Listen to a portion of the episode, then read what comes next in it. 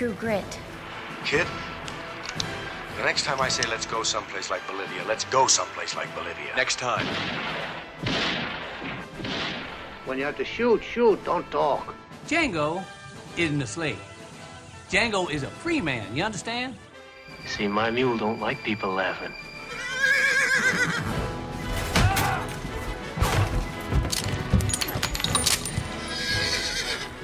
Film er best på radio. What time is it? Like ten past three. Where's the 310 of Yuma? Nova Noir. Hei, alle sammen. God morgen til denne eh, hva skal jeg si, farefulle morgenen her eh, på Radio Nova. Klokken er ti, og det er tid for Nova Noir, filmprogrammet. Og i dag er det en spesiell sending. Som, som dere kanskje hørte, så er det et eh, det er tema i dag. Eh, Noe litt utenom det vanlige. Vi skal ha western-tema. Så her i, i studio så har jeg mine eh, to gunslingers. Tager Rivas Tollefsen og Hedvig Bø. Eh, Sheriffen i byen heter Ulrikke Svenne og passer på teknikken. Og jeg er deputy marshal Julie Oskar Andersen. Så velkommen. jeg vil være sheriff. Nei, det er teknikeren som er sheriff. Okay, Tage. Kan jeg være outlaw? Eh, ja, du kan godt få være outlaw. Kan jeg være meksikaner, da? Kjenner jeg til Rivas til mellomnavn? Rivas! OK, det er greit. Uh, Hedvig, den sorte hatten din henger på Ja, gangen. takk. Jeg går og henter den. Vi skal prate om westernfilmer. Vi skal fortelle deg hva en ekte westernfilm er. For det var det ganske mye forvirring på eh, på diverse lister vi fant på internett da vi gjorde litt research til dagens sending. Vi skal også få eh, besøk, så du skal få høre litt om den nye, kule filmfestivalen Oslov, som kommer eh, neste uke. De kommer på besøk, det blir fett. Du får også høre en anmeldelse av Blinded by the light. Blinded by the Light. Det kommer litt senere i dag. Du lytter til Radio Nova. Før vi eh, tar på revolverne og spenner for hestene, jeg vet ikke Jeg hadde vært- vært cowboy i hele mitt liv. Eh, så skal vi prate litt om hva vi har sett siden sist. Tage, har du sett på noe gøy? Jeg har sett på noe gøy. Um, Kim forrige uke, vår medarbeider, snakket jo om f eh, filmen Dark Crystal. Og uh, jeg har sett på Netflix-serien eh, The Dark Crystal. uh, som er en slags uh, remake av den samme filmen, uh, som er Det er lagd av The Jim Henson Company, tror jeg det heter. De som har Muppets osv. Så, videre. så det er jo en fantasy-serie satt Eller med dokker og blanding med CGI. Og altså, det er så utrolig kult. Det er, Den Kanskje- ser skikkelig kul ut. Jeg har Altså, skikkelig lyst til å se den. det er noe av det beste altså, Nå skal jeg ikke hype opp for mye, for jeg føler at det ødelegger litt. Men det er noe av det beste sci-fi Nei, sci-fi, sier jeg. Det beste fantasy som jeg har sett i nyere tid, sånn i- utenom Ringenes herre osv. Men hvordan fungerer det at, at at det er dukker? For jeg, eh, inntrykket mitt er at veldig fort at når man bruker dukker, og det ikke Er det stop motion, eller er det levende Nei, altså, det er, tenk The Muppets, at folk liksom Ja. styrer dukkene. Og så og så er det noen som er litt større, som jeg tror menneskene faktisk er inni. Det- Jeg tenker at det kan veldig fort bli litt ekkelt. Syns du det? Men så ikke, Men skal den ikke ikke, med være vilje. litt eh, Skal den ikke være litt sånn creepy Jo, også? det, for at eh, jeg og kjæresten min Frida Vi så første episode, så var vi sånn Å, vi kan anbefale til nevøen din Storm, som er syv år. Og så var vi sånn her, Nei. så sa vi det, så var til foreldrene, så sa de sånn Ja, vi har begynt å se på det sammen. Og så i andre episode så er det en, en sånn sluttsekvens som er sykt sånn derre disturbing for en liten unge, vil jeg tro. Oh no. Så var vi sånn her Å, shit, hva har vi gjort nå? Men uh, det handler om uh, en sånn verden som heter Thra, hvor eh, alt baserer seg rundt en sånn eh, krystall som gir liv til hele planeten osv. Og, så videre, og så er det en sånn, eh, sånn moderfigur som er litt sånn Mother Earth- Earth-aktig, som heter uh, Agra, som på en måte passer på den krystallen. Og så kommer det sånne skeksis, sånn fugleaktige, monsteraktige folk fra et annet sted, som på en måte sier til henne å, vi kan gi deg muligheten til å se ut i galaksen osv., og, og så kan vi passe på krystallen mens du driver med det. Men selvfølgelig så bruker du den kraften til å misbruke den for å holde seg selv udødelig osv. Så, videre. så plottet handler egentlig om at uh, skeksisene driver og misbruker den her uh, krystallen og korrupter hele verden. Så er det noen sånne små gelflings som er litt sånn alveraktig, som, uh, som uh, må bekjempe disse onde folka. Da. Så Jeg det er- tror man bare må se det for å skjønne Ja. noe av det der. Det Så- høres fancy ut, ja. Ja, men det som er kult, er at det er så, det er så bra verden. Det er så bra skapt. Så du, kommer, du blir skikkelig sånn investa i det. Kult. Bra, Notert. bra karakterer også. Uh, Hedvig, hva har du sett på? Jeg uh, begynte å se igjen, for at det endelig så har sesong to kommet ut på Netflix av The Good Place. Og jeg har ikke sett uh, Jeg har bare sett sesong én, og jeg gleda meg så sykt til sesong to skulle komme på Netflix. Det tok veldig lang tid. Jeg er jo i sesong Fire. fire. Det blir den siste, siste sesongen. Men eh, jeg, tror, jeg tror det egentlig er eh, bra. Jeg liker også The Good Men- Limited Frozen Yoghurt. Ja, det er helt, det er helt fantastisk. Eh, men Eleanor passer egentlig ikke inn i The Good Place. Hun skulle nok ikke egentlig til The Good Place, og hun er liksom der by mistake. Og så er første sesongen at hun driver og finner ut av det her. Og så har jeg ikke tenkt å spoile noe mer enn det. Nei, det er, eh, det er, det er gøy. Dere burde Det er se, det, se det, egentlig. Eh, Så det ligger på Netflix. Mm, Det er veldig mange nye alternativer for banneord der. Fork, shirt. Det er Man ikke kan lov å banne i man kan ikke banne i The Good Place. Fork. Hvor har du sett da, Julie? Eh, også noe på Netflix, da, folkens. eh, dette blir jo en meme på det tidspunktet her, men eh, jeg sa altså Criminal på Netflix. Første episoden har David Tennant eh, i, men eh, det er også den eneste episoden da, med han. Og jeg så de to andre i eh, For det er lagt opp sånn at du har fire forskjellige land, og så er det tre episoder som henger sammen per land. Så jeg har sett Criminal Storbritannia eh, foreløpig. Har planer om å se Frankrike, Tyskland og Spania også. Og for de som ikke har fått med seg eh, de tidligere to, tre, fire 500 sesongene, ja. nei, eh, dagene, sendingene av eh, Nova Noir, som Julie har vært med på, så har Julie begynt å få en liten obsession med David Tennant. En smule. OK, en smule. Eh, Vi spurte spurte om hun hadde plakater av David Tennant på rommet sitt. Det har hun ennå ikke svart på. Nektet jeg å svare på. Eh, jeg er snart også ferdig med sesong ti av Doctor Who, eller halvveis. Så eh, det var den oppdateringen. Eh, vi, det starter snart med vårt western-tema, men før så får du Klypso med DYS, eller Defend Your Situation. Klypso med DYS, Defend Your Situation, fikk du der på Radio Nova. Men nå har vi tatt på oss eh, cowboyhattene. Eh, hesten er sadlet, og pistolen er ladd. Tage og Hedvig, det er tid for å dykke dypt inn i vårt western-tema, som er tema for i dag. Men hva er egentlig en westernfilm? Altså, I utgangspunktet så er en westernfilm en film som er satt i gamle Vesten, altså mellom Mexico og Montana generelt sett. Og så befinner, altså, er vi sett i tiden i, under og etter eh, borgerkrigen i USA, altså fra 1860-tallet til 1910-tallet. Og så er det jo diverse temaer som på en måte er eh, gjengående, som eksempel at det er en revolvermann, at historien eh, omhandler en revolvermann. Det er gjerne hester, det er gjerne kveg, det er revolvere, det er eh, rifler og selvfølgelig Stetson-hatter, som vi nå har på oss. Eh, Ja, ja. Hvilken farge har din hatt hvis du er outlaw? Eh, er det lov å si at jeg faktisk har en cowboyhatt? En australsk Akubra?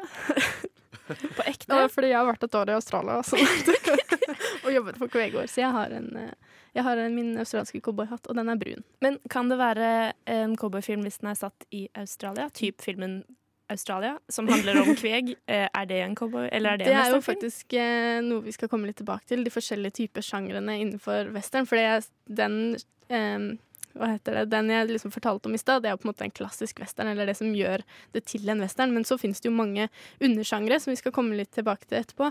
Og den australske undersjangeren av westernfilm heter meat pie western. så ja, Ah, det det, kan være en westernfilm. Der, eh, der eh, lærte vi noe nytt. Tage, Mm. hva er ditt eh, forhold til westernfilmer? Um, jeg tror når jeg var barn, så så jeg bare western, tenkte jeg Bonanza liksom på søndagsmorgener. Og så var det sånn Å, bli ferdig, jeg vil se på Pokémon. Men så i senere tid så er det veldig mye som er sånn veldig ikonisk, som er western. For eksempel den derre. Og så har jeg tenkt sånn Jeg har liksom hørt de melodiene, jeg har sett scenene, men jeg har aldri sett filmene. Og så det var en periode for kanskje sånn tre år siden hvor jeg gikk tilbake og så veldig mange av de der eh, Sergio Leone, spagetti-western og de klassiske med Clint Eastwood og sånne ting. Så jeg er litt sånn eh, Jeg har liksom sett det jeg føler er klassikerne, men jeg er ikke en sånn true True hardcore western old school-fan. Du eier ikke cowboyhatt. Som sagt, jeg er andre eh. Det var flaut å meksikaneren. si. Jeg tar. Jeg har ikke cowboyhatt. Du har på poncho. Ja. Ja. Eh, For min del, så jeg har ikke sett uh, veldig mye western. Jeg har lenge vært litt sånn syns at det har vært litt teit. Sånn, hvorfor skal jeg gidde å se på menn løpe rundt og skyte hverandre og uh, som driver kveg? Sånn, hva, hva er appellen i det, da? Jeg hadde et veldig strengt bilde om hva en westernfilm både handlet om uh, og er. Og så fikk jeg litt øynene opp for disse undersjangerne, og syns at det kan være litt gøy når man blander sjangere og tuller litt med forventningene og tropene man har. Eh, men når det er sagt, så er jeg veldig fan av Butch Cassidy and The Sundance eh, Kid, som eh, vi også hørte her i åpningslyden til Nova Noir i dag. Jeg måtte ha den med, for det er en av mine absolutt eh, favorittfilmer of all time, selv om det er en, eh, en western. Men det, vil, det jeg tror vi vil fram til, er at ikke tro at det er en westernfilm bare fordi den har cowboytemaer, eller cowboyer, for det er ikke nødvendigvis tilfellet. For det må, en western, en ekte klassiker, er et periodedrama også. Det må være i USA, og det må være satt i mellom 1860 og 1910. Det er på en måte Det minstekravet. Ja, det er på en måte minstekravet. Og så er det jo noen sånne vanlige plott som går igjen. For eksempel eh, hvis de bygger For det handler jo om på en måte den nye Det heter jo The New Frontier, når USA drev og utvandret videre vestover fra de begynte jo på kysten, ikke sant? og så begynte de å bevege seg eh, mer og mer innover i Vesten. Og så handler jo westernfilmene veldig ofte om hva altså det vanskelige, det tøffe vilkårene ute i Vesten, da, og hvordan det var veldig sånn De kaller det for western justice. At det var jo ikke noe sånn Det var jo ikke noe law enforcement, det var ikke noen politistyrker og sånne ting som kom og hjalp deg der ute.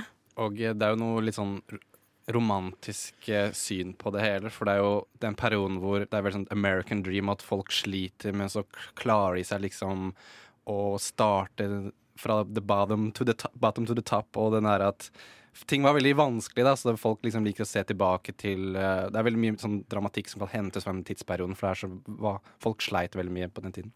Og så tror jeg det var veldig Altså, westernfilm har jo egentlig vært populært helt fra film gikk Altså fra film ble en greie, fra stumfilmer og utover. Det hadde jo absolutt en sånn høydepunkt på 30-, 40-, 50-, 60-tallet. Eh, men sånn at det var liksom Det var en greie selv når Vesten fortsatt var en greie, og jeg tror at det var veldig kult for de som bodde Jeg tror de hadde veldig annerledes liv, de som bodde langs med kysten og i de store byene. Det var et veldig annet liv enn Vesten, og jeg kan se for meg at det var ganske mange som kanskje drømte seg bort dit. Enten som drømte seg bort dit for å liksom oppleve det ville Vesten og the spirit av ville Vesten, eller kanskje man satt og så på det og eh, følte sånn åh, takk Gud for at ikke jeg er der, men så er det litt gøy å se åssen de hadde det, da. Eh, filmene du skal få høre litt mer om etterpå, som vi har valgt å eh, sammenligne en, den originale filmen og den moderne remaken, er altså eh, 310 to Yuma og eh, Django og Django Unchained og eh, True Grit. Eh, Den første filmen vi skal dykke dypere inn i, er eh, 310 to Yuma, og da skal vi sammenligne 1957-versjonen og 2007-versjonen. Det er litt, eh, litt gøy. Men jeg tror også det med eh, at, at USA er så glad i å lage westernfilmer, er jo fordi eh, de er jo, det er et ungt land, ikke sant? De har jo ikke så mange historiske epoker. Så jeg føler at det også har litt med saken å gjøre. Ja, og fordi de var under stor utvikling med jernbanen og er veldig glad i den epoken da, i sin egen historie. Ja, det tror jeg du har rett i. Og så bare jeg vil skyte inn for at nå har jeg sett uh, Skyte inn. Ja. Det var faktisk ikke bevisst. No pun intended. Men uh, for eksempel titlene sånn som Sheriff og Marshall og det er, f- altså, det er jo, kommer jo fra den der cowboytiden. Og jeg syns Jeg merker jo at uh, Altså den der splittelsen med borgerkrigen Jeg bare føler at når jeg ser de her filmene, så får jeg mye mer sånn Altså enda mer kontekst på hvordan, hvorfor kanskje USA er sånn som det er i dag. Så er det litt interessant sånn historiemessig å se alle de filmene. Mm, Det er jo fortsatt ganske mange som bor uh, ute i Vesten, og jeg tipper det er flere områder som er ganske Ikke så langt ifra de westernfilmene som det vi kanskje tror, da. Nettopp. I dag i dagen. I dagens dagen USA. i dag. Men vi skal reise tilbake til uh, eh, ja, 1860 Eller når er det 310 to Yuma er satt? Den er vel satt i 1880-tallet. Riktig. Vi skal reise tilbake til 1880-tallet, men før vi begynner å prate om 310 to Yuma, så skal du få høre eh, Nova A-liste-klassikeren 'Ekte indianere' med golf. Eh, dagens noir-tema er altså westernfilmer, og da lurer du kanskje hvorfor kommer denne sangen golf? Eh, men det er fordi den er sunget av ekte indianere. I want to ride on the 310 to you.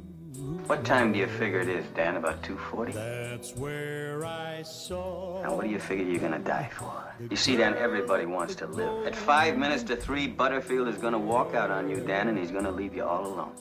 Not a word between us was Året er 1957, og Dwight Eisenhower blir gjeninnsatt som president i USA. Elvis var navnet på alles lepper med filmen 'Loving You' og en berømt TV-opptreden som bare ble filmet fra livet og opp. The Civil Rights Movement var i full oppsving etter at Rosa Parks nektet å flytte seg fra bussen året før. Den første frisbeen ble solgt, og rock'n'roll dominerte radioen. Ifølge Daily Mail var 1957 historiens beste år, og ifølge IMDb var 1957 et av de beste årene på filmfronten, med høyest gjennomsnittlig score på de mest populære filmene det året. Westernfilmer var populære helt fra 1930-tallet, men nådde sitt høydepunkt på 50-tallet og fikk stor oppslutning fra publikum. Westernstjernen John Wayne var den andre best betalte stjernen i Hollywood. Filmen 'Tre tid til Yuma' ble godt mottatt av både publikummere og kritikere, og ble i 2012 utvalgt til å bli bevart i USAs nasjonale filmarkiv som kulturelt, historisk og estetisk bemerkelsesverdig. Filmen handler om rancheren Dan som sliter med å få endene til å møtes pga. tørken de siste årene. Når den lovløse bandelederen Ben Wade blir arrestert i byen, får Dan tilbud om 200 dollar for å sørge for at Ben havner på toget til Yuma. 200 dollar som kan redde gården til Dan og familien. Filmen utvikler seg til å handle om mye mer enn bare penger. So when you take the train, call the 310 to Yuma.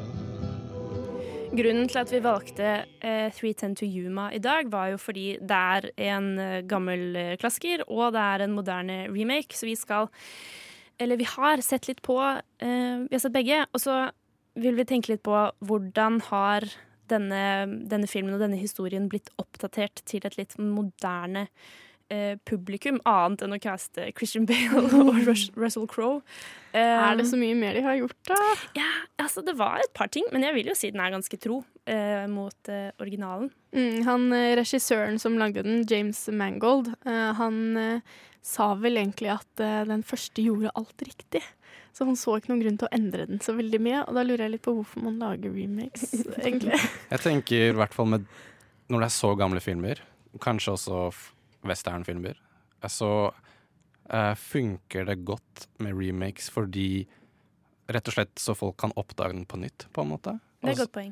Og uh, da gjerne eh, putte stjerner som Christian Bale og Russell Crowe inn i filmer hvor, som er veldig populære skuespillere, og da vil folk kanskje automatisk dra og se den fordi for dem så blir det som å se, oppdage filmen på nytt for første gang. Og det er noe jeg syns er litt kult med å gå veldig langt tilbake i filmhistorien, for det blir sånn det blir nesten som å se en ny film, bare at den har eksistert i 60 år, f.eks.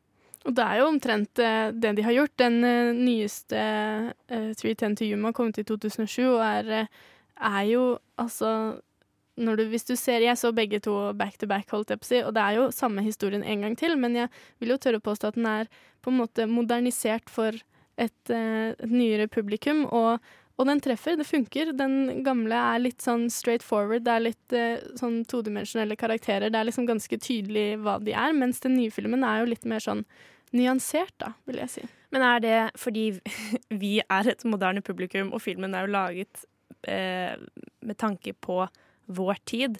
Men da, i eh, 1957, syns, fil syns filmgåere da at den var kul og moderne? Det kan jo være at de følte at sånn Å ja, det traff eh, nå, nå ble jeg truffet i Ja, hjertet. det det, de- det traff godt. Det tror jeg de syntes. Den ble jo veldig godt uh, mottatt og var veldig populær og er liksom blitt utpekt som en av de liksom mest sånn noter merkverdige filmene. Altså merkverdige filmene Riktig.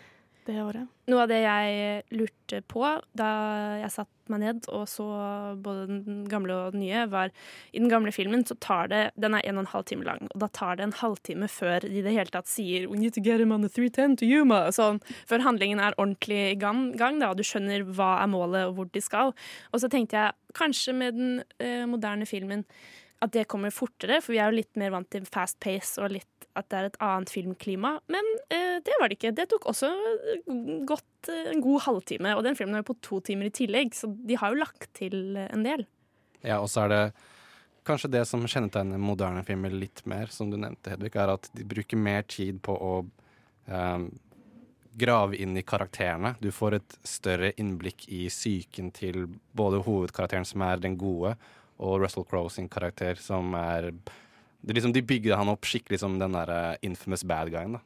Mm, for at de, de største forskjellene i filmen, det er jo, handlingen er jo omtrent akkurat den samme. Det eneste er at de har lagt litt mer sånn motivasjon. De har gjort det på en måte eh, De har på en måte nyansert karakterene sånn at det er tydelig for oss eh, hva det er de vil, og hva som er motivasjonen og sånne ting. I hvert fall i Christian Bale sin, sin karakter så har de jo gjort det veldig tydelig at han kommer til å miste gården, og at han er veldig ute etter å beholde gården. I tillegg så har de gitt han en sønn. Han hadde to sønner i den gamle også, men der er de veldig sånn De elsker faren sin, og de ser skikkelig opp til faren sin.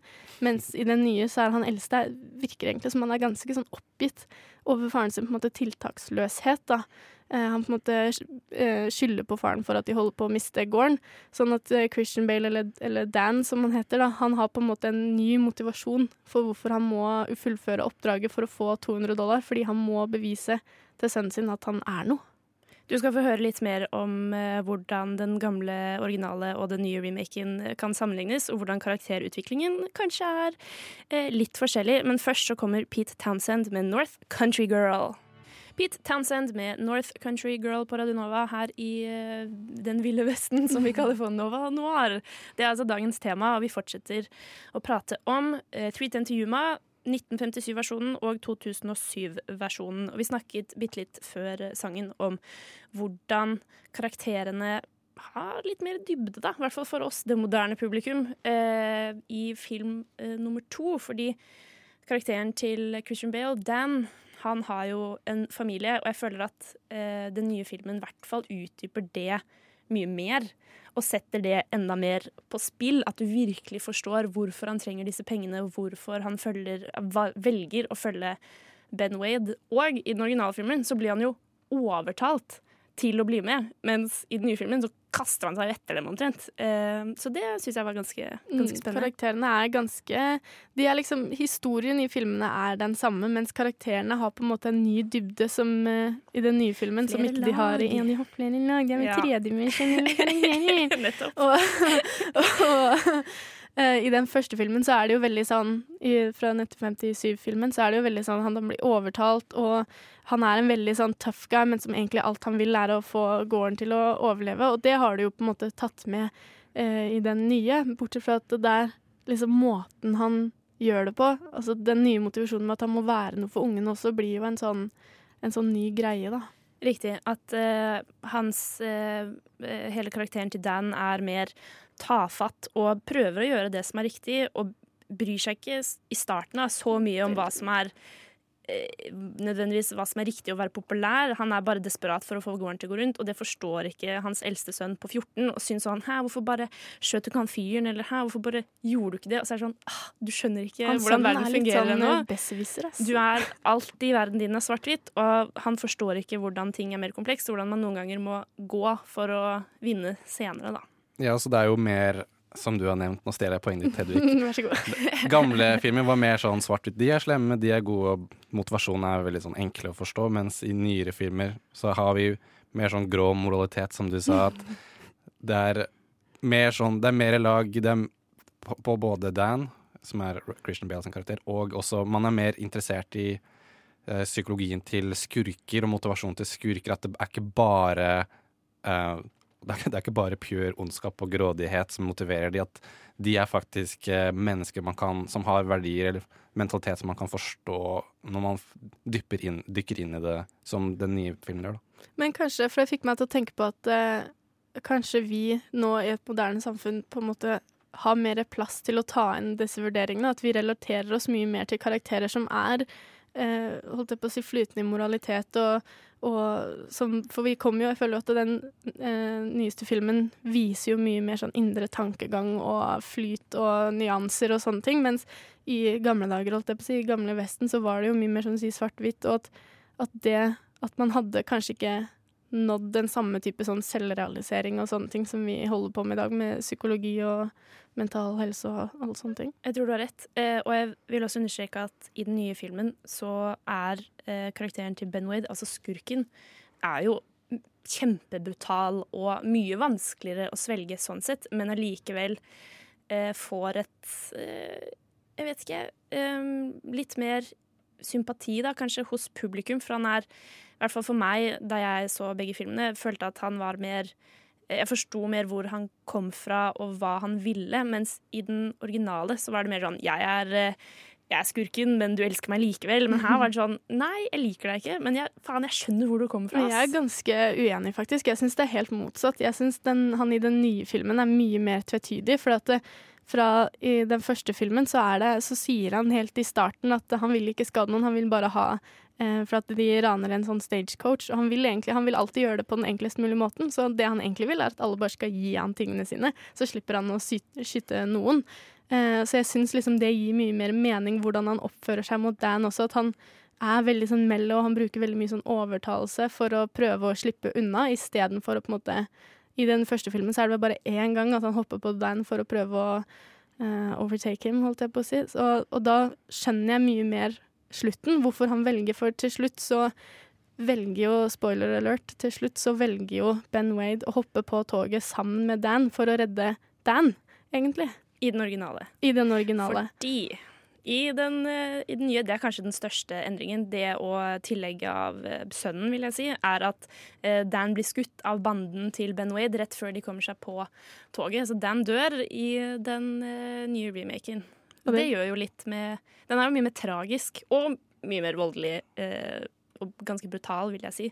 Men jeg syns det ga en viss emosjonell tyngde til filmen, som den Mm. første manglet. For den var veldig sånn ganske romantisk og kul og liksom. Litt, litt feel good på ett vis. Uh, mens den her, som du tror det går bra, og så Nei, da blir han skutt.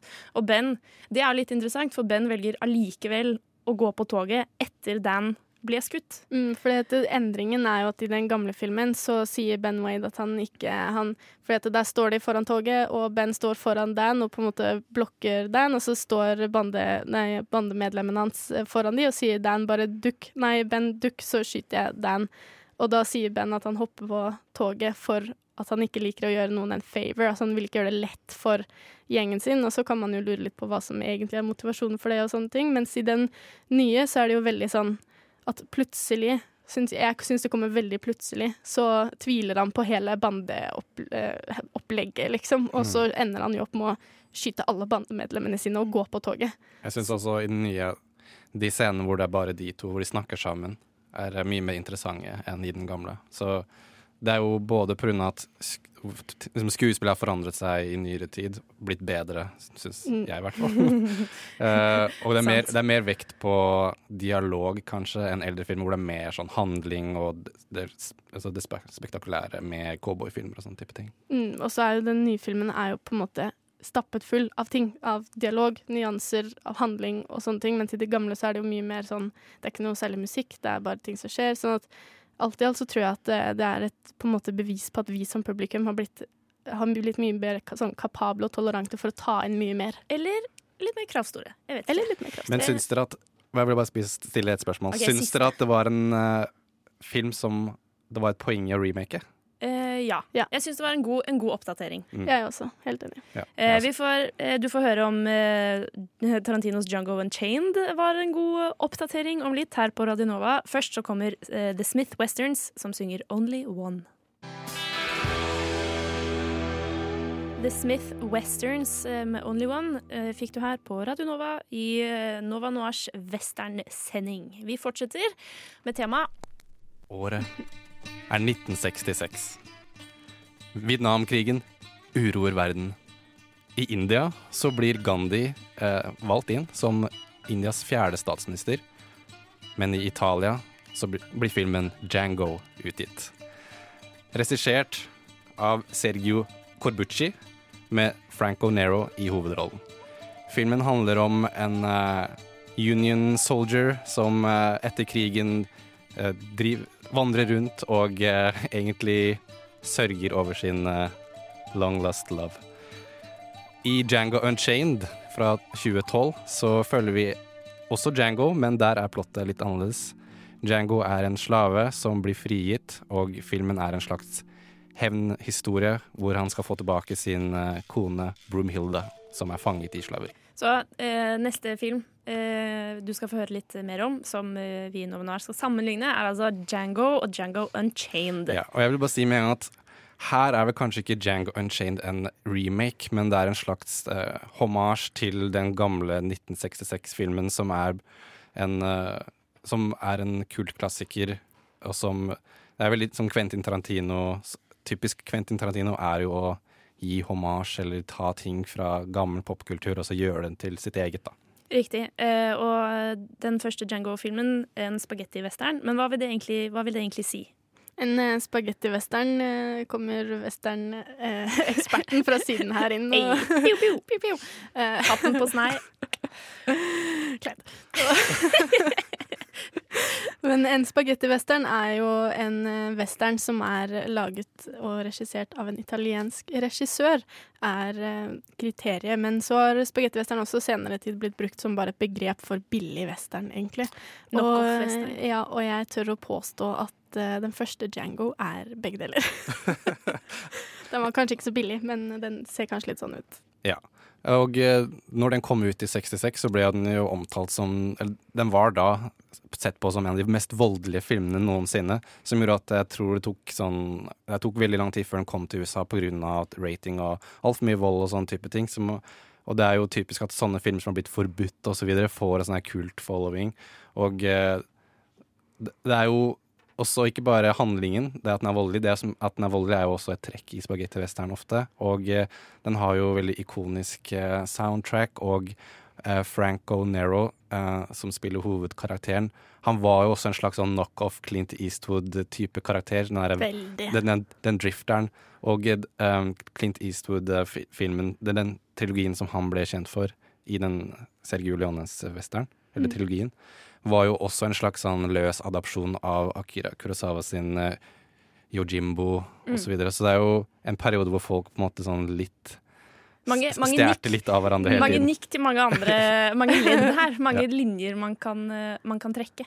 Sånn Apropos voldeligheten i eh, den første Django fra 1966, så tror jeg de, jeg leste på IMDb at den hadde sånn eh, Django sin kill count er liksom 57 stykker eller noe sånt, eh, som på den tiden var helt sjukt, men i våre dager med store krigsfilmer og sånne ting, så er det jo kanskje ikke så imponerende. Ja, altså Tenk på John Wick, da. Hvor mange har kan han drept i løpet av den De har ikke giddet å telte engang. True. Nå er jo Tarantinos Django Unchained ganske voldelig òg, så det er jo match made in heaven, egentlig. Ja, for det at den er jo, som du sa, ikke helt en remake, men en hommage til, til eh, egentlig spagetti-western mer enn selve Django. Mm. Fordi eh, Quentin Tarantino drev også og skrev en bok, tror jeg, om Sergio Corbucci, som har regissert eh, Django. Og mens han skrev den, så fant han ut at han egentlig ikke skrev en bok om den filmen, men han skrev en ny film. Eh, så han skrev boken om en film som ikke var laget, men som han satt og tenkte den kan jo jeg lage. Mm. Og så ble det til eh, Django Unchained, så den er mer inspirert av måten å lage spagetti-western på. Sånn at du ser jo eksempel sånne veldig drastiske inzoominger og title cards som er veldig sånn i den gamle stilen med bare rød tekst oppå en sånn vidvinkelshot eller noe sånt. Da. Ja. Og en ting som, når jeg, når jeg researcha til den sendingen, så så jeg jo eh, disse gamle filmene. Og en ting som går igjen i alle, er at de starter med sånn, en slags sånn theme-song som setter stemning og beskriver litt karakterer, litt handling. Og det er jo veldig ikonisk i Django, for at originalen har jo akkurat den samme sangen som eh, eh, Quentin Tarantino Tarantino sin versjon har, men den er Django, og så Mm. ser du at i originalen så går er hele den første låta ser du bare eh, Django, en eh, sånn ensom karakter som går rundt i ørkenen med cowboyhatt og alt han, Veldig i stil med alt- klassisk ja, Alt han trenger eh, på, på kroppen sin. Og det som er veldig unikt med han, og veldig sånn ikonisk, er at han drasser rundt på en sånn her eh. Likkiste. likkiste.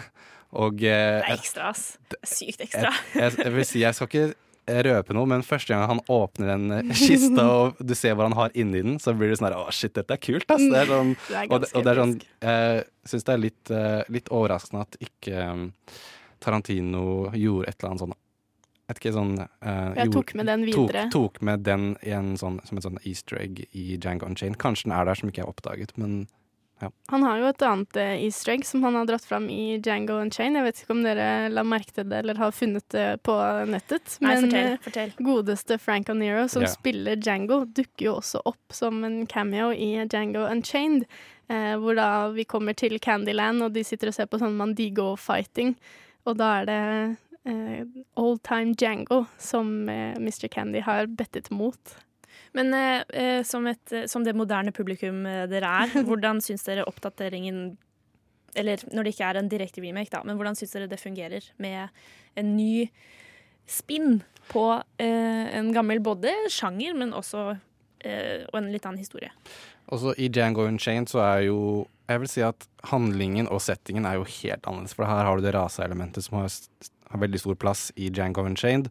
Og eh, åpningssekvensen i Django Unchained uh, stilmessig ganske lik, men du merker med en gang at dette er noe helt annet. For det første bildet er jo egentlig at du ser masse sorte slaver med piskearr på ryggen som blir liksom drassa med lenker og cowboy, hvite cowboy som er foran dem.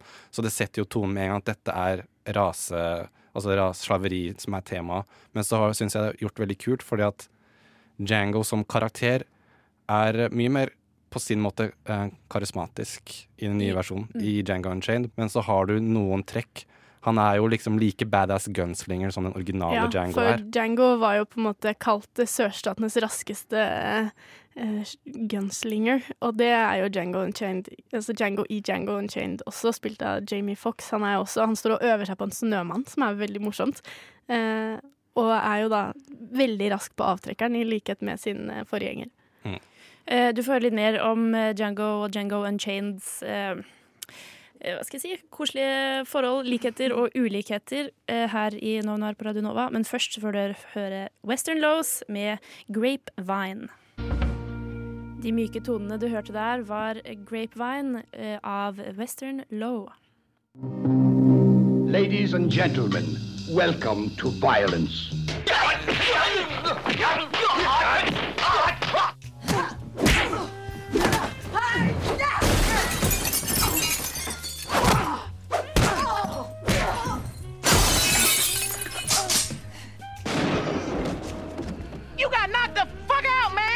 I'm gonna get medieval on your ass. Oh, what the fuck's happening? Oh, man, man. Oh man, I shot Marvin in the face. Why the fuck you do that? I didn't mean to do it. It was an accident. Nova Noir. Fordi det er helt greit å skyte noen i hodet på film. Apropos Django, eh, Django Unchained eh, og vold. Ja.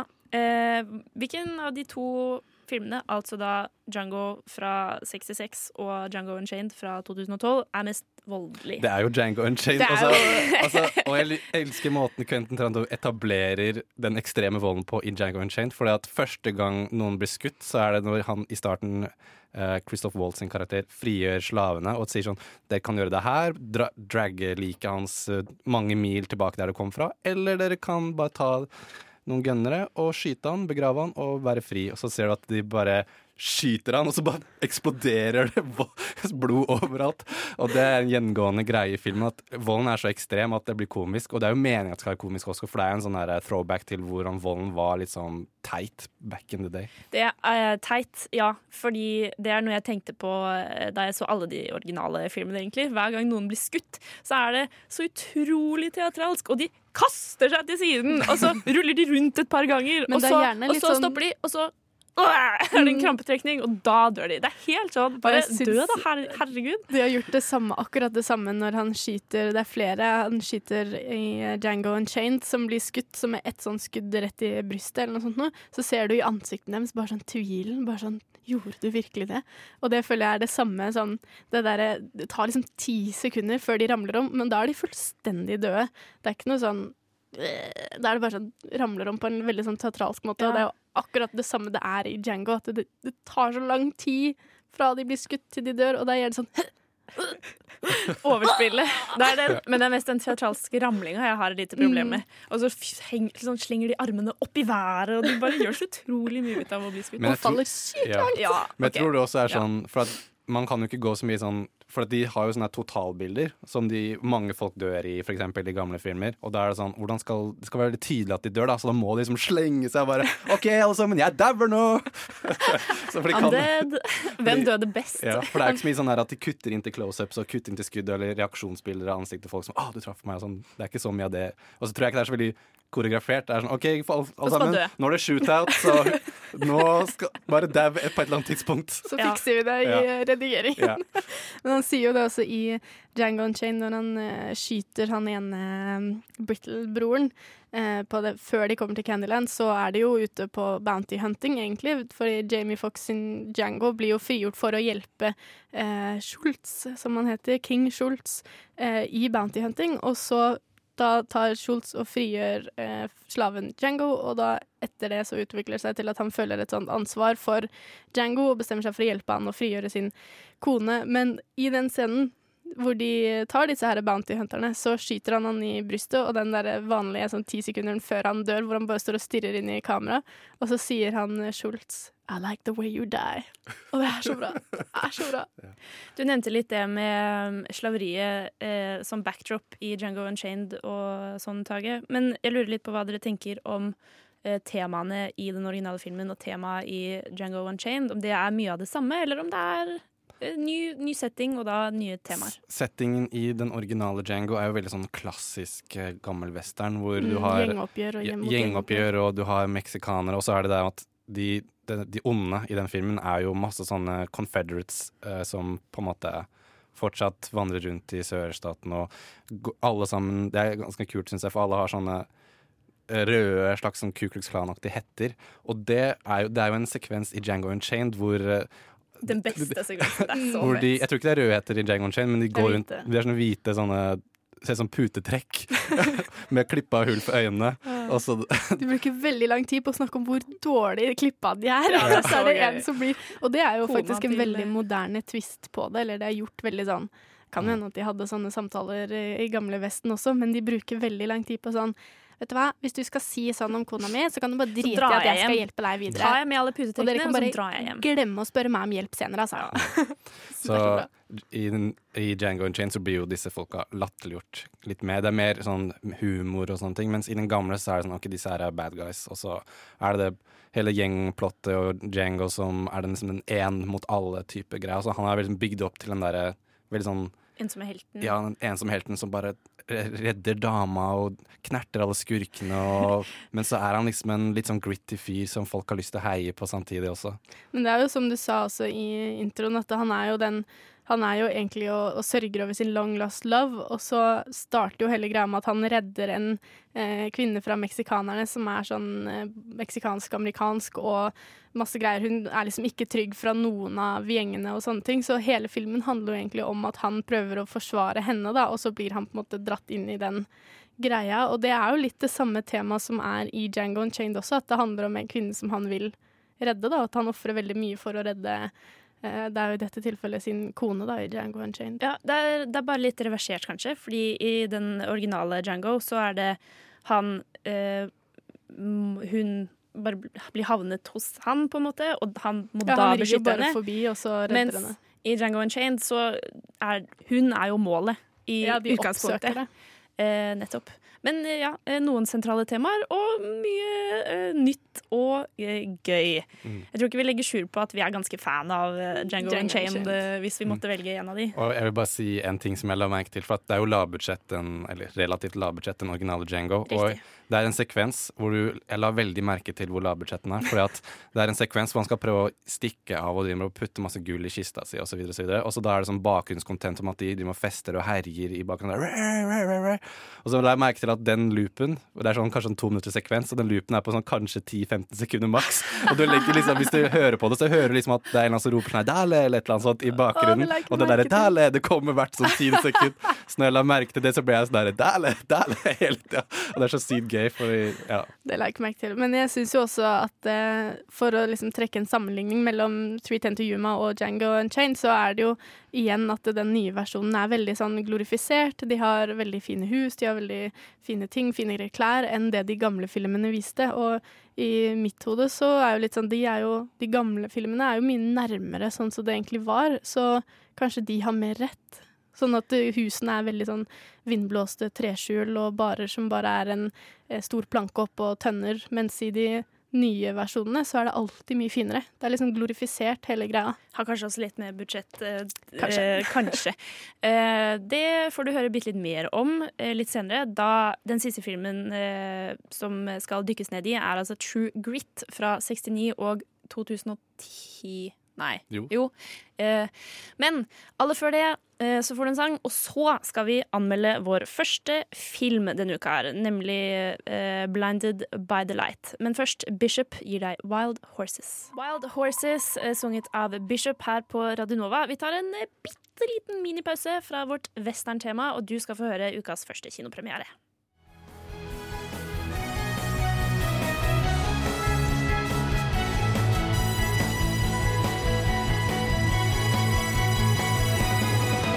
Nova Noir presenterer ukas kinopremierer. Fordi Hedvig, vår venn, du har vært på kino. Hva har du jeg sett? har vært på kino og sett eh, 'Blinded by the Light' av gründer Kada. Det er regissøren fra 'Bended Like Beckham', faktisk. Um, og hun har laget en historie om, eller en film som er basert på den sanne historien om journalisten Safras Mansour. Eh, I denne filmen heter han Javed Khan, som vokste opp i en sånn suburb utenfor London. Og uh, i en ganske streng eh, muslimsk familie, og fant på en måte utveien i Bruce Springsteen sin musikk. Bruce, the direct line to all that's true in this shitty world. Seriously.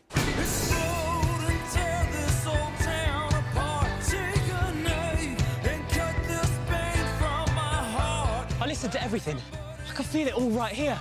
It's like Bruce knows everything I've ever felt, everything I've ever wanted.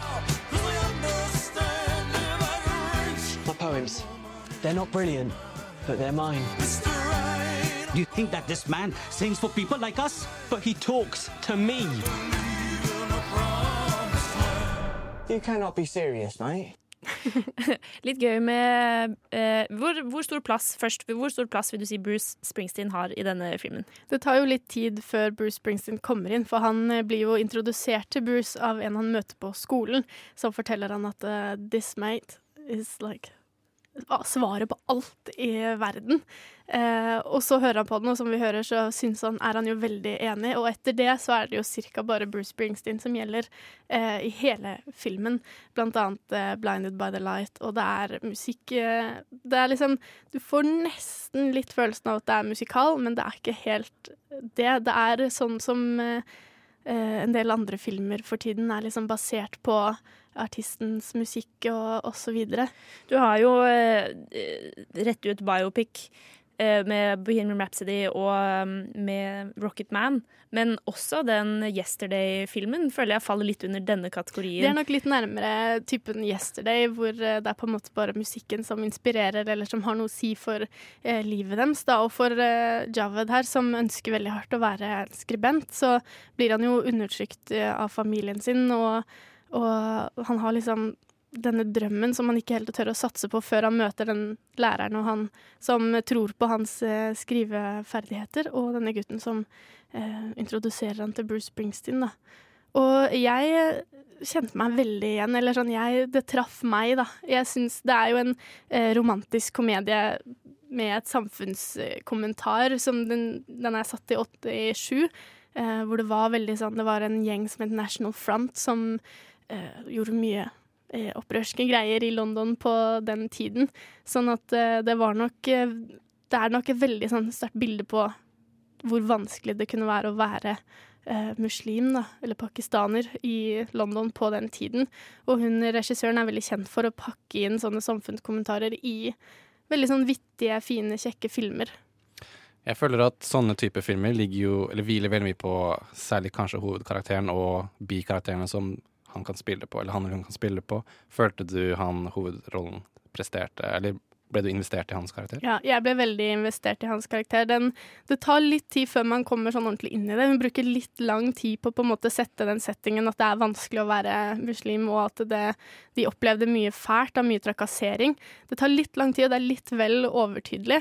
Men så når på en måte romcom-biten, og jeg er jo en sucker for en god romcom, og spesielt der hvor det er inspirerte hovedkarakterer som på en måte har en drøm, og de får på en måte de får det, liksom svar på den drømmen, folk som tror på dem, det treffer meg veldig sånn i hjertet, så jeg ble veldig revet med, da, og spesielt han hovedkarakteren som da klarer å vise dette på en veldig god måte, syns jeg, da. Jeg lurer på litt, fordi um, dessverre så er det jo litt trend sånn politisk at det er mye sånn dehumanisering av muslimer, og det er litt sånn at det er en greie i, i samfunnet at folk må se på de som Og som du har liksom en retorikk i Norge som er sånn snikislamisering osv. osv.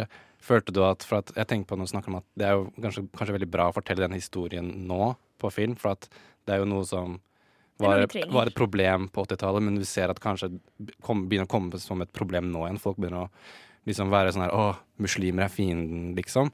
Føler du at den delen av det temaet drukner i det romantiske komedieplottet? Nei, for at jeg føler ikke at helt det er eh, hovedtema. Det som egentlig er tema, er det her å være andregenerasjons. Det å være på en måte dratt imellom eh, Nå er det ikke så mye fokus på at de er muslimer, det er mer det at de er pakistanere, da. Det her med pakkis, og det var liksom veldig Folk var ikke veldig snille med dem, og at familien prøver veldig å bare blende inn. Så det er veldig sånn De gjør en greie ut av at det er sånn det er litt mange pakistanere her nå, da, sier han eh, faren til Javed, for at de vil jo egentlig være en sånn passe inn i den britiske miljøet, men samtidig så er det jo veldig sånn å holde på sine tradisjoner, og at du er pakistaner, og det er veldig sånn familieverdighet, ikke sant? Man er en familie. Mens Javed vil jo være skribent, og han er liksom ikke helt britisk, og han er ikke helt pakistaner, og det er jo det som er hovedproblemet i filmen. Og jeg syns egentlig at uh, filmen gjør det veldig bra. Jeg blir tatt veldig med opp i de romantiske stundene, jeg blir tatt veldig ned i de triste stundene, og jeg blir rørt på hans vegne og alt han får til, og, og jeg kjenner veldig på det han kjenner på. Så er det kanskje litt sånn overtydelig og langdrygt noen steder. Det er litt sånn eh, ja, det er litt lange sånne brusmontasjer noen steder, men Litt for mye brus? Litt for, det er litt for mye sånn montasjer hvor han løper rundt og er lykkelig og synger til Bruce. Det er litt eh, i overkant. Men eh, jeg likte det. Jeg har endt med å gi den en eh, seks og en halv av ti. 6,5 av 10 til Blinded by the Light her i Nova Noir, altså.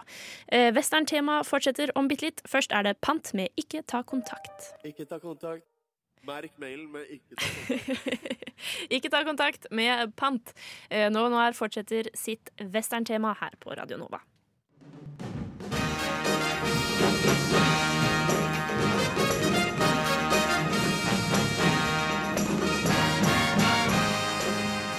Året er 1969. Et begivenhetsrikt år. Nixon blir president. The Zodiac Killer er fortsatt aktiv. USA lander på månen, og Beatles ga sin siste offentlige opptreden. På filmfronten var den mest inntjenede filmen Butch Cassidy and The Sundance Kid. Og Oscaren for Best Picture gikk til en annen westernfilm, Midnight Cowboy. Så westernfilmer var mildt sagt populære.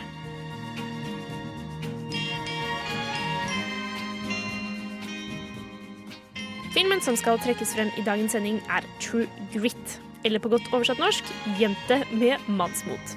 Filmen er basert på en bok ved samme navn som ble utgitt ett år tidligere.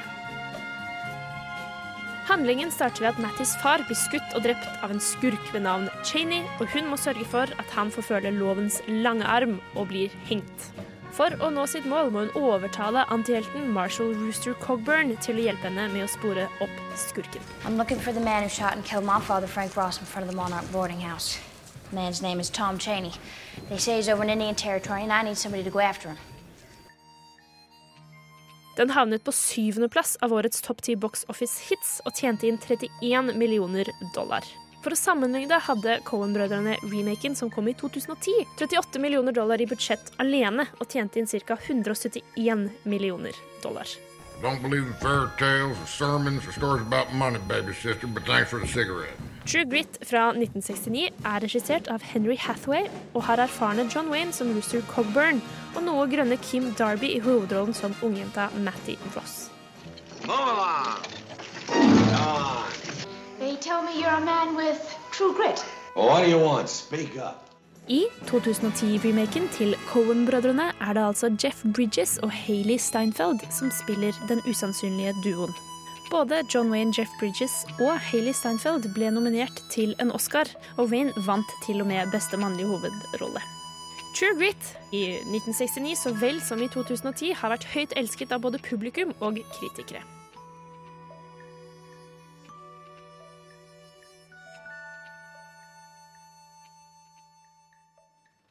Det skal altså dykkes dypere inn i True Grit og dens remake i 2010. Eh, 1969 og 2010 er jo to ganske forskjellige år. Og jeg vil si at eh, disse filmene er et ganske godt eksempel på det et eh, datidspublikum og et moderne publikum eh, kan sette pris på. Er Den, dere enig? Den gamle True Grit har jo i hvert fall Jeg føler at den av alle de tre vi har eh, snakket om, av de originale filmene, så syns jeg den er den som minner meg mest om eh, Bonanza. Eller den føles Ja. veldig sånn det er, Jeg føler at det er samme Veldig sånn samme tid og sånne ting. Mm. Uh, jeg vil si at um, Eller kanskje jeg hopper litt inn i diskusjonen, men jeg likte mange ting med den originale True Grit bedre enn remaken. Og, Oi, jeg- ok. og da vil jeg kanskje gjerne trekke fram uh, Matty Ross-karakteren i originalen, som jeg syns var faktisk mer badass enn Hayley Steinfeld sin karakter. Okay. Bare slenger ut. Ja, jeg måtte tenke litt uh, Måtte kjenne litt etter uh, på den. OK, jeg skal gi deg, jeg skal gi deg en sjanse, Tage. Jeg er dypt uenig, men fortell meg hvorfor. Nei, det er har kanskje litt med at uh, skuespilleren som spiller Matty Ross i originalen, var 22 når hun spilte i True Grit, mens Hayley Stanfield tror jeg, hun, karakteren er 14, og jeg tror hun også er 14 år på Mm. ekte. Og jeg syns særlig når de drar ut på dette eventyret hvor de jakter på han fyren som har skutt faren, så har hun på seg veldig store klær, og jeg bare syns hun ser ut som en liten drittunge med cowboyhatt. Men, hun okay, er OK, jeg venter. Jeg Hun venter. er Hun har et tæl, men jeg bare syns at Matty Ross i originalen er litt mer sånn Jeg kan faktisk være jeg, litt jeg føler hun er litt mer sånn hun bare har liksom Hun bare setter folk mer på plass og er sin egen kvinne og liksom bare er sykt kul. I, eh, OK, eh, jeg vil si først at i begge filmene så er det jo relasjonen mellom eh, Cogburn og Matty som er hjertet av, av filmen. Eh, og vi hørte det bitte litt tidligere, han kaller henne baby sister, og de, er, de blir ganske familiære da, og finner liksom en liten softspot for, for hverandre. Um, men jeg synes det er nettopp det at hun er mye yngre i 2010 True Grit som gjør det så mye bedre, fordi at hun er så ung og likevel bestemmer seg for å gjøre det her, og ikke bare ansetter han for å eh, bringe skurken til eh, justice, men at hun blir med selv, er liksom enda mer imponerende. Og hun skal jo være litt drittunge, ikke sant? Det er det som er hele poenget. Du skal jo ikke like henne fordi hun kommer her og tror hun er så jævlig smart og sånn, har alt, tenkt ut alt, og dette er planen, og Men eh, Kim Darby hadde, for meg, da, hadde liksom ikke den eh, som jeg føler at Hailey Steinfeld klarer å tilbringe rollen. Hun var liksom eh, Jeg vet ikke. Og hun så veldig gammel ut. Og skulle være veldig ung samtidig. Hun Så jeg ser jo ikke gammel ut. Nei, altså, men eldre da, enn Hayley. Eh, og det jeg vet, Kanskje fordi jeg hadde sett det nye True Grit først, at det farget min opplevelse av den filmen litt. Men jeg er ikke enig med deg, Tage. I det hele For tatt. det er jo sekvenser i, i starten av filmen hvor hun, de drar inn til den der hoved... Fort Smith, eller Mm. Hvor det er en sånn, en sånn public hanging, som er sånn, en ting som skjer der, som gjør at det er mye folk på gata. Og for eksempel et sånn karakterøyeblikk i det originalen som ikke tror jeg er i remaken, er at de skal se på hangingen, så har hun med seg en, en kompanjong som er voksen, som sier sånn Nei, ikke se på det her. Når de skal liksom bli hengt, så sier hun nei, nei, jeg er her, jeg skal se på det. Og jeg, sånn, Mm. Sånne ting eh, det var ikke med i remaken, og jeg følte at eh, for eksempel det etablerte at hun er mer sånn jo, jo, jeg, jeg, tåler jeg skal også tåle å se det her, mens eh, det som kanskje de etablerer som er badass med Haley Steinfeld sin prestasjon, eller tolkning av den, er at hun er veldig mye mer flinkere til det med å ehm, argumentere og diskutere og få sin vilje eh, fram, da, når hun for eksempel eh, skal liksom ha, få pengene sine tilbake fra transaksjoner som faren har gjort, osv. Ja, jeg syns eh, Jeg kan faktisk, eh, nå som du sier det, være litt eh, enig med deg. For jeg syns i den originale at hun virker mye mer som en person som allerede er liksom klar over hvor vanskelig det er, og hva hun skal få til. Det er mer sånn hun er. den karolerende, og som får vilja si, og som er tøffing. Eh, og vi går ut, altså, så ser man etter hvert at hun ikke alltid er like tøff, men at hun er liksom i bunn og grunn en tøffing. Mens i den nye så får jeg mye mer inntrykk av at hun prøver å være noe hun ikke helt er. Jeg skal bare si en kjapp ting også som jeg For jeg føler at i remaken så er poenget mer at hun er en kid i voksnes verden, mens i den gamle så er det mer det at hun er en ung kvinne i en mannsverden. Så jeg føler at det er mer sånn kid versus voksen i den nye, mens det er mer sånn kvinne i en mannsverden i den gamle. Så det likte jeg veldig godt. da. Eh, diskusjonen fortsetter eh, etter vi har hørt en kul sang. Eh, vi, det skal snakkes mer om Hvorfor dere tar feil? Nei da. eh, men om eh, True Grit og hvordan dets temaer eh, kanskje er noe oppdatert fra 1969. Sego Slothrust med 'Where Have All The Cowboys eh, Gone' her i eh, den ville vesten som vi kaller for Vi er her. Nova Noir. Vi. Yeeha! OK, eh, det var kanskje litt uengasjerende. Jiha, jeg beklager. Jiha da, dere! Hvor er cowboyen? vi fortsetter på vår True Grit, True Grit-sammenligning fra 69 og 2010 eh, her i Nova Noir. Vi snakket litt om Mattis karakter tidligere, men nå skal vi dykke litt dypere inn i Rooster Cogburns karakter, portrettert av John Wayne uh, i den gamle originale filmen, og Jeff Bridges i den nye. Så Vi fant ut hvem som likte hvem best av Mattiene her. Så hvem liker dere best av Wayne og eh, Bridges? De Tage? er veldig Jeg føler at de er kanskje mer ulike. Så altså, det er jo Altså, jeg føler at Jeff Bridges sin tolkning er mye mer sånn eh, eh, Mer alkoholisert, mer sånn klar for å gi seg type folk. Litt mer sånn sliten og litt mer gritty, faktisk. Mens Mm. John Wayne er litt mer sånn Ja, han har lapp for øyet, men han er mer sånn Han er mer John Wayne enn han er karakteren, nesten. Og så har han jo mer humor da, Jeff Bridges. Men det, jeg tenker også at for at eh, karakteren Rooster skal være i 40-årene, men både John Wayne og Jeff Bridges var jo 60-åra når de eh, portretterte karakteren.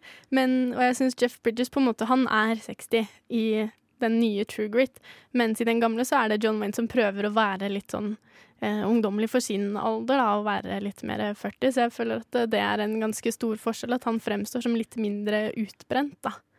Ja, eh, litt mer Ja, Jeff Bridges kan virke litt mer motvillig til å være med på det her fordi han er litt eldre, han er litt slitnere, han er litt mer alkoholisert. Eh, for jeg følte ikke at John Wayne var så inkompetent, om man kan si det. Eller eh, så eh, At han var litt mer kapabel da, enn eh, Bridges. Mm. Men det, det, hva det gjør med historien, er jo Jeg syns det er litt mer spennende å se på Bridges enn å se på Wayne, når det er en større utfordring og også et større spørsmål om hvorfor Matty ville ha med denne Rooster Cogburn på tur. Ja, og så tror jeg det, som du nevnte i stad, det er på en måte eh, relasjonen mellom Matty og Rooster som på en måte er kjernen i filmen eh, til slutt. Så syns jeg jo at den er mye lettere å forstå i den nye. Det er mye mer sånn eh, far-datter-forhold. Ja, Hvordan, hvordan syns du de portretterer det annerledes, siden du syns det er bedre der?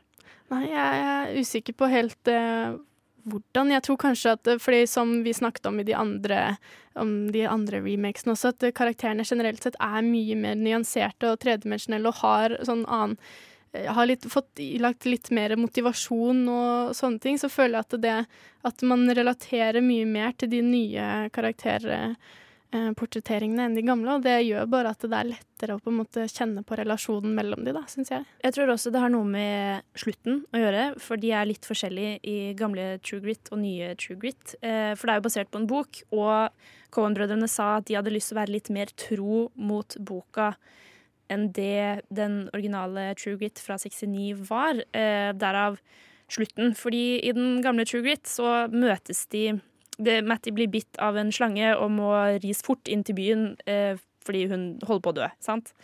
Eh, så Rooster Cogburn eh, rir hesten, og så bærer han henne hele veien. Eh, bare, og du får følelsen, i hvert fall i den nyeste, at den reisen er kjempelang Mm, og kjempeintens. Og det er bygget opp helt sånn at hun har kjøpt sin egen ny hest, og den heter Blackie, og hun er kjempeglad i den, og den må ris i hjel for å redde livet hennes, og det er et kjempestort øyeblikk. Men i den gamle True Grit så var det litt sånn ja, ja, å nei, den døde, vi må forte oss videre, og nå er vi fremme, og der er du fiksa, og så eh, får du en sånn hyggelig oppsl- oppslutning, eller avslutning med de to eh, hvor de er gode venner, mens i eh, 2010 True Grit så er det mer eh, Hun ser han aldri igjen etter den, den eh, seansen, og så mister hun armen. Ja, Eh, for vi den møter henne igjen liksom, nesten tids- 30 år senere, kanskje. Det er et tidshopp. Eh, og det var, det var Jeg synes det var litt vondt, men det var skikkelig fint. Og da hører du hennes tanker om sånn Å, hvor er han nå? Eller eh, at hun alltid eh,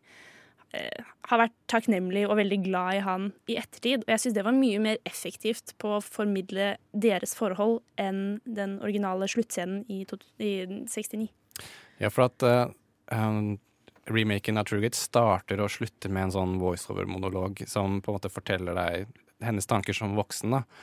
Og um, hennes karakter er veldig sånn eh, ikke Kanskje ikke stoisk, men hun er veldig sånn eh, Følelsene er innvendig. Hun viser dem ikke, mens det er noen øyeblikk i starten hvor hun ser faren sine ting. Og jeg syns den prestasjonen var veldig bra i remaken, hvor du bare ser at hun ser på tingene, og så bare veldig sånn uh, veldig sånn Du ser at Vi ser at hennes tårer liksom kommer litt fram, men hun presser dem tilbake igjen. Og så, så vi får liksom vite at hun bryr seg om folk, og hun har sterke følelser inni seg, men hun viser ikke til andre. Og det kommer også igjen i slutten, hvor hun har liksom dette behovet eller lysten til å se han igjen, for at de hadde en sånn relasjon. Og så når hun da eh, får vite at han er død, eller døde tre dager før hun fikk møtt han, og det er veldig trist, men hun viser ikke noen følelse der, men det hun gjør er å ta med liket tilbake til deres eiendom, og filmen slutter med at hun liksom står og ser på graven hans, og så er det musikk, og så går hun vekk, og så ser liksom silhuetten hennes som er sort i liksom i, i, i bildet, og det er, så det er så bra øyeblikk. Veldig effektfullt, fordi i originalen i 69 så tar hun med han til gården. Så sier hun hvis du noen gang dør, så får du ligge ved siden av meg. Og så sier han men det er jo en plass for familie. Og så ser hun på han litt sånn ja, nettopp. sant? Mens i Cohen så viser de det, og det er mye mer effektfullt. Jeg syns det er en veldig mye mer sånn effektfull måte å øh, vise liksom ja, jeg syns at slutten viser liksom hvordan livet hennes I den remaken så er hele livet hennes ganske hardt. Hun er en kvinne som har møtt mye motgang, og det, man får veldig følelsen, syns jeg, at det, fortsatte etter den første delen av historien som vi så. Sånn at uh, du får mye mer den følelsen at eh, hun har hatt et tøft liv, uh, og kanskje fortsatt er ganske tøft, og hun liksom ender opp eh, alene, for hun har aldri hatt tid og sånne ting, og det virker liksom ja, det virker som hun har møtt mye motgang, men siden gamle så er det litt mer sånn at vi ser den delen av livet, og så går det ganske greit etter. Hun er veldig tydelig på at det kanskje ikke er familie som er helt hennes greie, men det virker mye mer som et valg, og det virker som det er veldig positiv fremtid. Så igjen så tror jeg det reflekterer litt på det da, at vi som et moderne publikum kan liksom spise over mye mer da, enn både sånn innvendige følelser og psykologisk og ja, innhold enn det de gjorde på den tiden. Jeg vil jo si både i tilfellet til 310 to Yuma og True Grit, så ender det jo mer tragisk enn det de gjør i de originale filmene. Så jeg tror definitivt det er noe i det du sier, Hedvig. Eh, Western Chema fortsetter bitte litt til, og så blir det besøk i studio for, fra Oz Love eh, filmfestivalen. Kanskje de kan lære meg hvordan man skal si det riktig, eller jeg er litt usikker. Eh, skal i hvert fall forklare hva greia er. Tidligere i sendingen så hørte du at vi snakket litt om hva som er en ekte western, og hvordan man tror at noen westernfilmer kanskje ikke egentlig er det. Og det skal du få høre litt mer om eh, om et par strakser. Først er det Wild Rival med Weapon. Wild Rival med Weapon på Radio Nova. Eh, som sagt, nevnte eh, western-tema i dag. Vi skal diskutere litt hva hva legger vi Vi har snakket om OK, først la meg sortere tankene litt. Vi har snakket om hva en ekte westernfilm er, og så har vi sammenlignet eh, gamle western og en remake av eh, den filmen. Altså 310 to Yuma, eh, Django Django Unchained og True Grit. Men det er jo andre subsjangre av uh, western. Um, og vi valgte å snakke om moderne westernfilmer, men hva legges det i en moderne westernfilm, egentlig? Mm, for det vi har snakket om til nå, er jo på en måte, som vi kalte det, klassiske western satt eller laget i moderne tid, da, liksom i vår tid. Eh, men det er en annen eh, subsjanger av western som heter moderne western, eller contemporary western. Riktig. Litt forvirrende, men la oss, la oss trekke linjen. Ja, så det, det som på en måte ligger i en contemporary western, bare for å være litt tydelig på hva skillet er, så er det en film satt i Vesten, men som handler mer om moderne temaer, altså Vestens menn i dag som sliter litt med å eh, finne fram i en mer modernisert Vesten. Eh, og noen eksempler på det er jo f.eks. Brokeback Mountain, hvor eh, det handler om cowboyer som sliter med å finne jobb, fordi det er ikke så mye av den type cowboyjobb ute i Vesten lenger, eller eh, folk som mister eh, ranchene sine til større selskaper eh, som tar over altså industrialiseringen av områdene og sånne ting. Det er liksom den type eh, problemer som vi kan kjenne oss igjen i, men som kan være veldig vanskelig for en som har vokst opp eh, i trehus, holdt jeg på å si, med dust storms og tumbleweed. Riktig. Eh, Et annet eksempel er jo også eh, en annen Cohen-film. De er jo ganske glad i eh, western eh, generelt. Eh, No Country for Old Men, hvor du har en, eh, en eh, sheriff og en eh, skurk. Det er jo ganske klassisk eh, En klassisk sort, oppbygging. Sort hatt og hvit hatt eh, som eh, jakter på hverandre. eh, På forskjellig vis. Men hvordan det ikke altså Det ligger jo i tittelen, No Country for Old Men. Hvordan det ikke er plass til Tommy Lee Jones' eh, karakter lenger. Hvordan han er blitt for gammel for dette gamet her, å fange, fange skurker. Mm, og den har jo på en måte et uh, moderne setting i vår tid, men den er jo da western-ish, fordi uh, det er satt i Ville Vesten, det er tørt, det er Texas, Arizona, det er uh, sheriff som på en måte ruler, og så er det litt sånn western justice der òg, kanskje? Mm.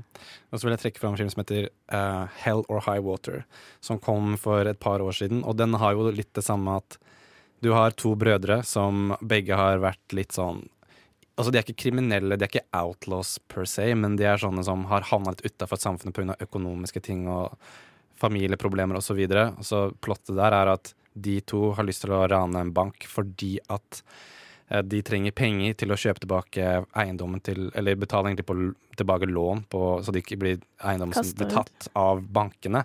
Fordi de vet at det fins olje der. Og det er jo samme tema som i Three Mm. Yuma. Og så har du også det klassiske at det er, du følger de to brødrene. Så har du også to politimenn, som eh, faktisk eh, hovedpolitimannen er spilt av Jeff Bridges der også. Hvor det er, han er, skal snart pensjonere seg, og han er litt sånn der eh, Den typiske sånn eh, one last job-type karakter. Og så har du at du merker liksom tensionen at disse to Du føler egentlig begge historiene parallelt, men så vet du at disse to kommer til å møtes, og den egentlige fienden i den filmen er jo bankene og økonomien som har gått til helvete for de fleste i USA, og at liksom småbyene forsvinner, og at ting Mm. at Folk liksom Det er blitt nesten sånn her Det er blitt sånne ødemarker midt overalt i USA fordi at folk bare, ting bare faller sammen, rett og slett. Det er, eh, det er, det er alltid veldig gøy med, med ny twist på en, eh, noe gammelt og kjært. Så eh, noen eh, tips til filmer du kan se videre hvis du vil eh, utvide din western-horisont. Altså No Country for Old Men, Brokeback Mountain og Hell or High Water. Ellers så vil vi også for så vidt anbefale eh, 310 to Yuma, Django, i hvert fall Unchained. Eh, kanskje ikke den originale Jo, jo, Django. jo, jo. Jeg vet ikke. Eh, Hvis du liker sjangerfilm, så er den dritkul. det virket jo litt som vi var fan av begge True Grit-versjonene, egentlig. Kanskje Jeg er veldig fan av eh, begge Three Ten to Yuma også. Ja, okay. Likte veldig godt. Eh, Så jeg- vi vil eh, generelt be deg ta en titt. Det markerer slutten på Novo Noirs western-tema for i dag. Vi henger hatten på hylla. Nei. Det er feil. Legger hatten på hylla. Må jeg gi tilbake pistolen og ponchoen min også? Ja, du må det. Du du, må det. ponchoen. Eh, du må levere din. Eh, og vi får straks besøk her i studio, og du skal få lære litt mer om Oslov og deres festival, og hva det vil si, og eh, hvordan man kan se film på en litt annen eh, måte, rett og slett. Eh, først er det en sang som jeg føler gjenspeiler dagen i dag ganske godt. Verdensrommet gir deg en time i en grå dag. Verdensrommet med en time i en grå dag her på Radio Nova. Men dagen ble plutselig litt mindre grå, fordi vi har fått besøk i studio av Ida Teresa Myklebost. Hei, velkommen. Hei, hei. Du er jo fra en filmfestival, Ida. Vil du si hva den heter? Eh, en gang for alle riktig. Jeg tror jeg eh, slaktet det litt gjennom sendingen i dag. Ja, nei, altså Man kan jo si det både på norsk og på engelsk. På engelsk så blir det jo da Oslo Filmfestival. Og på norsk så blir det Oslo Filmfestival. Riktig. Oslo-kjærlighet, som vi liker å si. Hva, hvorfor eh, har dere kalt festivalen Oslov? Du, det, eh, det navnet passer veldig godt til det konseptet vi har lyst til å lage. Og det er Altså, vi har flere mål med Oslov, men ett av dem er at vi vil bringe, bringe byen sammen. Så logoen til festivalen, eh, hvis dere vil se her, og kan ikke publikum se det, men det er basert på T-banelinjene. Nettopp for å liksom bringe byen sammen. Det vi gjør, er at vi lager en festival med et stort program rundt hvert av filmene. Um, hvor vi inviterer alle i Oslo, og spesielt da folk som ikke vanligvis går på filmfestivaler. Eh, Dette er et lavterskeltilbud, og vi håper at det skal bli frøet til en folkefest. Så det er også industrien og presse og så videre er velkomne, men først og fremst så er det for Oslos befolkning. Det høres jo veldig, veldig gøy ut. Men hvordan skal dere trekke alle disse som ikke som regel går på filmfestival? Ja, det er utfordringen. Eh, så nå er vi annet her i Radio Nova for å snakke med Oslos gode folk og fortelle dem at det er festival neste uke og alle må komme. Um, nei, altså vi reiser over hele Oslo med, med plakater, og vi reiser utenfor sentrum med dem. Vi, vi, snakker med organisasjoner, vi tar kontakt med, med gras, grasroten. Um, så vi går litt annerledes uh, rundt det når det kommer til pressen. Um, men det er første året vårt, så, så vi har et stort mål, og vi har mye arbeid foran oss for å få det til. Så vi får se. Jeg vil jo si at uh, programmet deres legger jo veldig opp til, som du sier, lavterskelfestivalgåere. Eh, vil du fortelle litt mer om eh, programmet deres spennende program? Veldig gjerne. Eh, så dette programmet er vi, vi er, om jeg får si det selv, vi er kjempespente. Uh, ja, for får skryte litt, vi syns programmet er fantastisk. Det syns vi også. Altså, bra, takk. Altså, det vi gjør, skjønner du, er at det er en fire dager filmfestival, og så viser vi bare fire filmer. Eller tre langfilmer, og så ett kortfilmprogram. Det betyr at hver film får en hel dag dedikert til temaet sitt.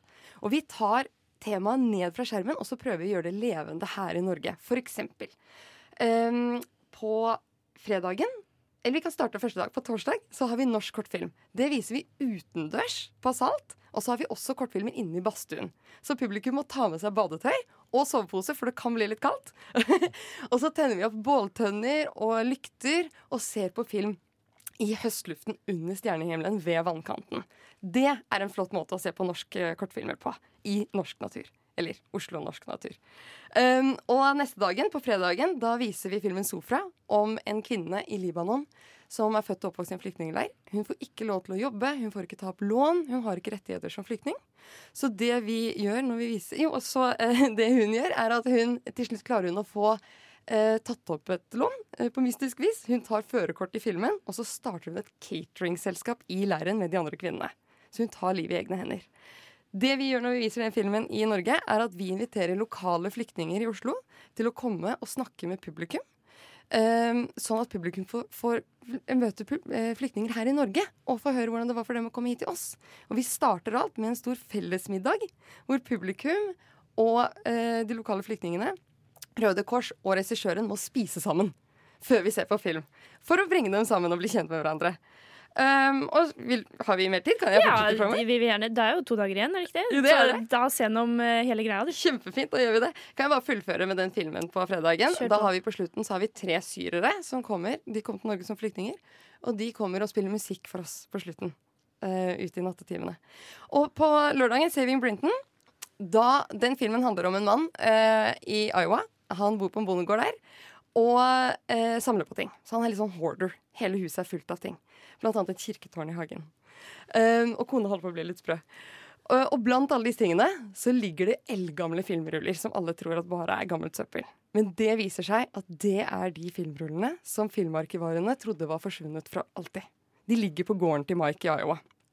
Når vi viser den filmen i Norge, så henter vi ikke bare dokumentarfilmen hit. Vi henter Mike fra Iowa, og så tar vi med de gamle filmene. Og når filmen er ferdig, skrur vi av lyset. Den er også utendørs på Salt, så det blir helt bekmørkt. Og så tenner vi lykter og tar med publikum inn i et telt hvor det er levende musikk og levende lys. Og så snurrer vi de gamle filmene mens Mark forteller. Så vi tar publikum på en tidsreise 100 år tilbake i tid, sånn som det var å se på film da. Og siste dagen, da handler det om ungdom, vitenskap og klima.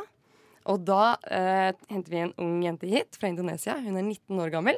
Da hun var enda yngre, fant hun opp et vannfilter som fjerner bly fra ulovlig tinngruvedrift. Hun er 19 år gammel, så det er ganske Wow. imponerende. Og hun kommer til festivalen vår fra Indonesia for å fortelle om arbeidet sitt som ung miljøaktivist, og for å møte andre klimaengasjerte mennesker her i Oslo. Og da kommer også Vitenparken og har med stekte larver, så alle skal få smake det. Kanskje det kan være fremtidens uh, kjøtterstatter. Og så har vi litt andre workshops med kompostkurs og litt forskjellige ting som man kan gjøre i hverdagen sin for å bli mer klimavennlig. Det er jo en veldig uh, involvert uh, festival, det her. vil Vi jeg si. kaller det interaktivt. Ja. Nettopp. nettopp. Det virker som dere, blir, dere setter en helt utrolig stemning for hver film, så dette er definitivt noe å få med seg. Uh, 30 til 6. oktober neste uke. Eh, så det, dra på det, folkens. Ja, Rett kom, og slett. kom. Dere er alle hjertelig velkommen. Det hadde vært veldig hyggelig å se alle i Oslo der. Spis larver, eh, prat med mennesker du kanskje ikke hadde truffet ellers, eh, og ta deg turen, rett og slett. Det var altså Oslov, sant? Eh, Ja. Filmfestival neste uke. Tusen takk, Ida Teresa Myklebost, for at du kom og ville dele det glade budskap. Louis Bacalov og Rocky Roberts. Uh, Django, den ikoniske låten fra originalen og Django Unchained. er jo uh, kjempeflott. Utrolig episk. Utrolig episk og uh, kjempefin, rett og slett. Eh, I dagens sending så var det tema western. Sant? Eh, hva var det jeg kalte oss i starten? Jeg husker ikke. Ulrikke Svenne på teknikk var i hvert fall vår sheriff. jeg var outlaw. Outlaw Hedvig Bø og Jeg var mexicano! meksikaneren Tage Rivas Tollefsen. Si! Jeg var The Marshal, jeg da, mener jeg å huske. Eh, Julius Grandersen het jeg. Eh, det ble også gitt en anmeldelse til Blinded by the Light av Hedvig. Du ga den? 6,5 av 10. 6,5 av 10. Virker som en ganske hyggelig feel good-film, rett og slett. Eh, Du fikk høre eh, Nova Noirs dypdykk inn i moderne western, altså westernfilmer laget i moderne tid, men fortsatt satt i den ville vesten. Eh, og Vi snakket om The 3, 310 to Yuma, Django og Django Unchained og True Grit. Eh, Så jeg håper du koser deg. Det gjorde i hvert fall vi. Og så ses vi neste torsdag igjen. Eller vi høres. Ha det bra. Ha det. Ha det.